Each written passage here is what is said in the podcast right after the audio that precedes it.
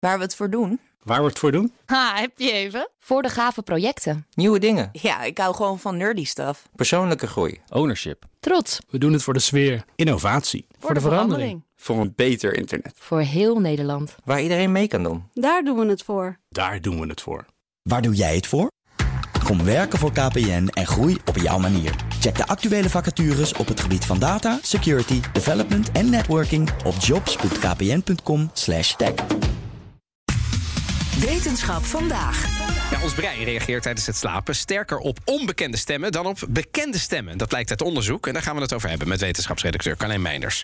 Nou, en dan brengt ons natuurlijk bij de vraag: hoe kwamen ze nou in vredesnaam op het idee om dit als experiment te Ja. doen? Eh, dat ons brein niet helemaal uitgaat als we slapen, dat heeft eerder onderzoek al wel laten zien. Ik heb hier bijvoorbeeld wel eens eh, gepraat over onderzoekers die dromende mensen sommetjes konden laten doen. Eh, ze hebben al eens geprobeerd nieuwe herinneringen te creëren bij slapende mensen.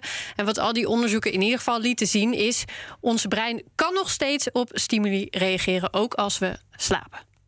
En hoe testen ze dat precies? Eh, veel eh, van dit soort onderzoeken gaan ehm, eh, aan de hand van geluiden bijvoorbeeld. Ze hebben al eens laten zien dat het horen van je eigen naam tijdens het slapen meer hersenactiviteit oplevert dan het horen van een willekeurige andere naam. Dus niet elke stimulus heeft hetzelfde effect. En zelfs bij het herhalen van precies dezelfde prikkel is het resultaat ook niet altijd hetzelfde. Dus het brein lijkt een beetje te kunnen selecteren, te kunnen kiezen wanneer iets wel de moeite waard is om op te reageren en wanneer niet. Wat onderzoeker Mohamed Amin van de Universiteit van Salzburg en zijn team nu wilde weten is hoe zit dat nou met die selectiviteit? Kunnen we iets meer leren over het mechanisme? Daar. Zoals je kinderen altijd ja, alles aan.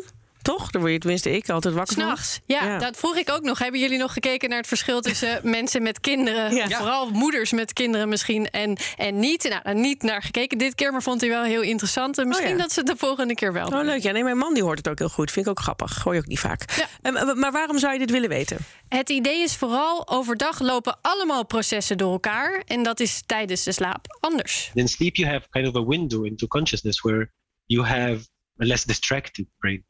Knowing more about how the brain processes information in a certain way, in a certain state, can also be helpful to kind of unravel the mechanisms of information processing in general. Als je iets als informatieverwerking in het brein wilt bestuderen, zie dan maar eens al die processen die overdag naast elkaar lopen uit elkaar te houden.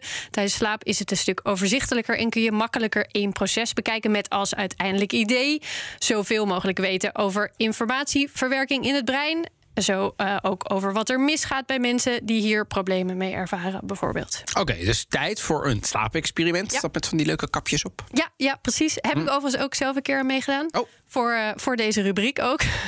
Ja. je zou denken, dan slaap je toch gewoon helemaal Nee, niet met zo'n ding op je hoofd. Lekker is anders. Maar gek genoeg eh, heb ik toen best goed geslapen.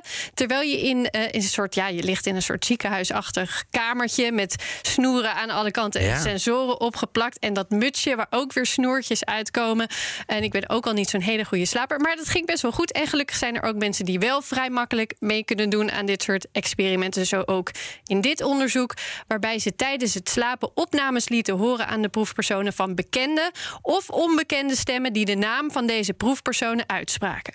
Ze zagen toen in de data een duidelijk verschil in hersensignalen tussen beiden, vertelt Amin. From the very beginning, we saw a much higher uh, number of key complexes that were elicited by the unfamiliar voice, and microarousal is the same as compared to the familiar voice, which was very interesting because you know we have microarousals which are they very clearly indicate a certain processing response. So the brain is more aroused. It, the brain for a very short period shifts to a more wake-like state very shortly, and then goes back again to sleep.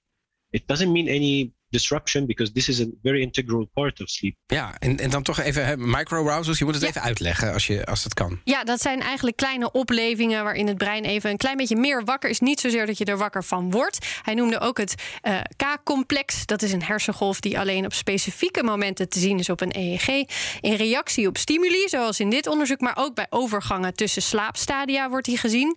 Hij is ontdekt in de jaren 30 toen tijdens een slaapexperiment bij een proefpersoon op de deur werd geklopt.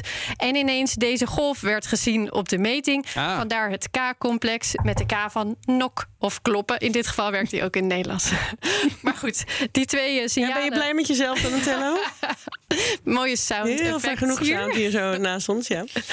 Die, die twee signalen waren dus sterker bij onbekende stemmen. Maar ook de overall hersenactiviteit was duidelijk sterker in het geval van onbekende stemmen. En dus het brein kan ook als we slapen selecteren wat de moeite waard is van het verwerken en wat niet. En maakt het dan nog uit hoe diep die slaap is van iemand? Ja, goede vraag. Ze zagen hetzelfde in verschillende slaapstadia. Dus meer reactie op onbekende stemmen. Maar ook tussen die reacties zaten weer verschillen. En dat is iets waar ze nog meer onderzoek naar willen doen. En ze hebben nog meer ideeën. What we're currently doing now is that we're in- investigating the ability of the sleeping brain to form predictions about the sensory world. So the next step, the after the knowing that okay we can process information is can we predict also sensory information when we're sleeping? Ja, dus kan het brein patronen herkennen? Bijvoorbeeld een volgorde van woorden die zichzelf steeds herhaalt. Of eh, vier keer een onbekende stem en één keer een bekende stem. En dat de hele tijd hetzelfde. En kan het slapende brein dan ook voorspellen wat er komt? Dit is iets wat we overdag constant doen tijdens handelingen of gesprekken. En ze willen in vervolgexperimenten dus gaan kijken of ons brein dat ook slapend kan. Tja, ja, ik zou best wel een keer mee willen doen aan dat onderzoek. Maar ik ben inderdaad als de dood. Dat je niet slaapt en dat het dan. Dat, het Maar dan dat is ook lousy- weer niet zo heel lousy erg, proefpersoon bent, zeg maar. Hij heeft een baby die net doorslaapt, hè? Ja, Laat die ik man denk dat daar jij heel goed slaapt tijdens zo'n even van- slaapexperiment. Eerst even van Ondanks al die dingen. Ja, dat is ook wel weer waar. Ik denk dat jij gewoon zonder onderbrekingen die hele nacht doorpakt. Ik meld jou vast aan. Komt helemaal goed. Dankjewel, Carlijn. Bij BNR ben je altijd als eerste op de hoogte van het laatste nieuws. Luister dagelijks live via internet. Bas van Werven. En heel langzaam komt de zon op rond dit tijdstip. Je krijgt inzicht in de dag die komt op BNR, het Binnenhof in Nederland en de rest van de wereld. De Ochtendspits. Voor de beste start van je werkdag. Blijf scherp en mis niets.